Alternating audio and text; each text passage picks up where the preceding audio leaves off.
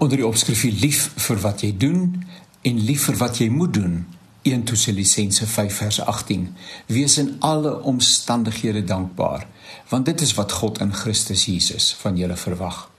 Dit is 'n voorreg om 'n werk te hê. Ek bedoel soos 'n pos, 'n betrekking, 'n werkplek.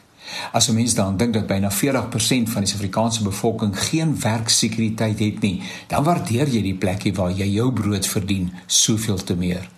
Om te hou van wat jy doen is 'n wonderlike ervaring en voorreg. Soms hoor mense ander mense sê dat hulle werk ook hulle stokperdjie is. Hulle geniet wat hulle doen en dit maak hulle nie moeg nie. Opstaan en gaan werk is geen moeite nie. Trouwens, sommige kan nie wag om by die werk te kom nie. Dit is ongelukkig nie vir almal beskore nie. Nie in 'n omgewing waar die vraag na die na en die aanbod van werksgeleenthede betekenisvol oorskry nie.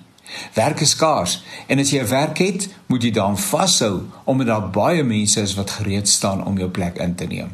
Dit beteken dat 'n mens anders sal moet begin dink oor jou daaglikse arbeid. Begin bid vir die genade om dit wat jy doen nie eerste keuse nie, maar dankbaar as 'n gawe uit die hand van die Here te ontvang en dit te koester. Om voortdurend te mor en te kla, moeisaam op te staan en jou deur die dag te sleur, is om jouself geweld aan te doen. Dit is selfs erger. Dit is om die goedheid van die Here vlak te kyk en die God wat sorg te beledig.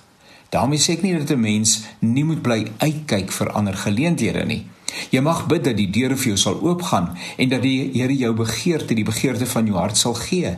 Tot dan doen jy soos die Here van jou verwag.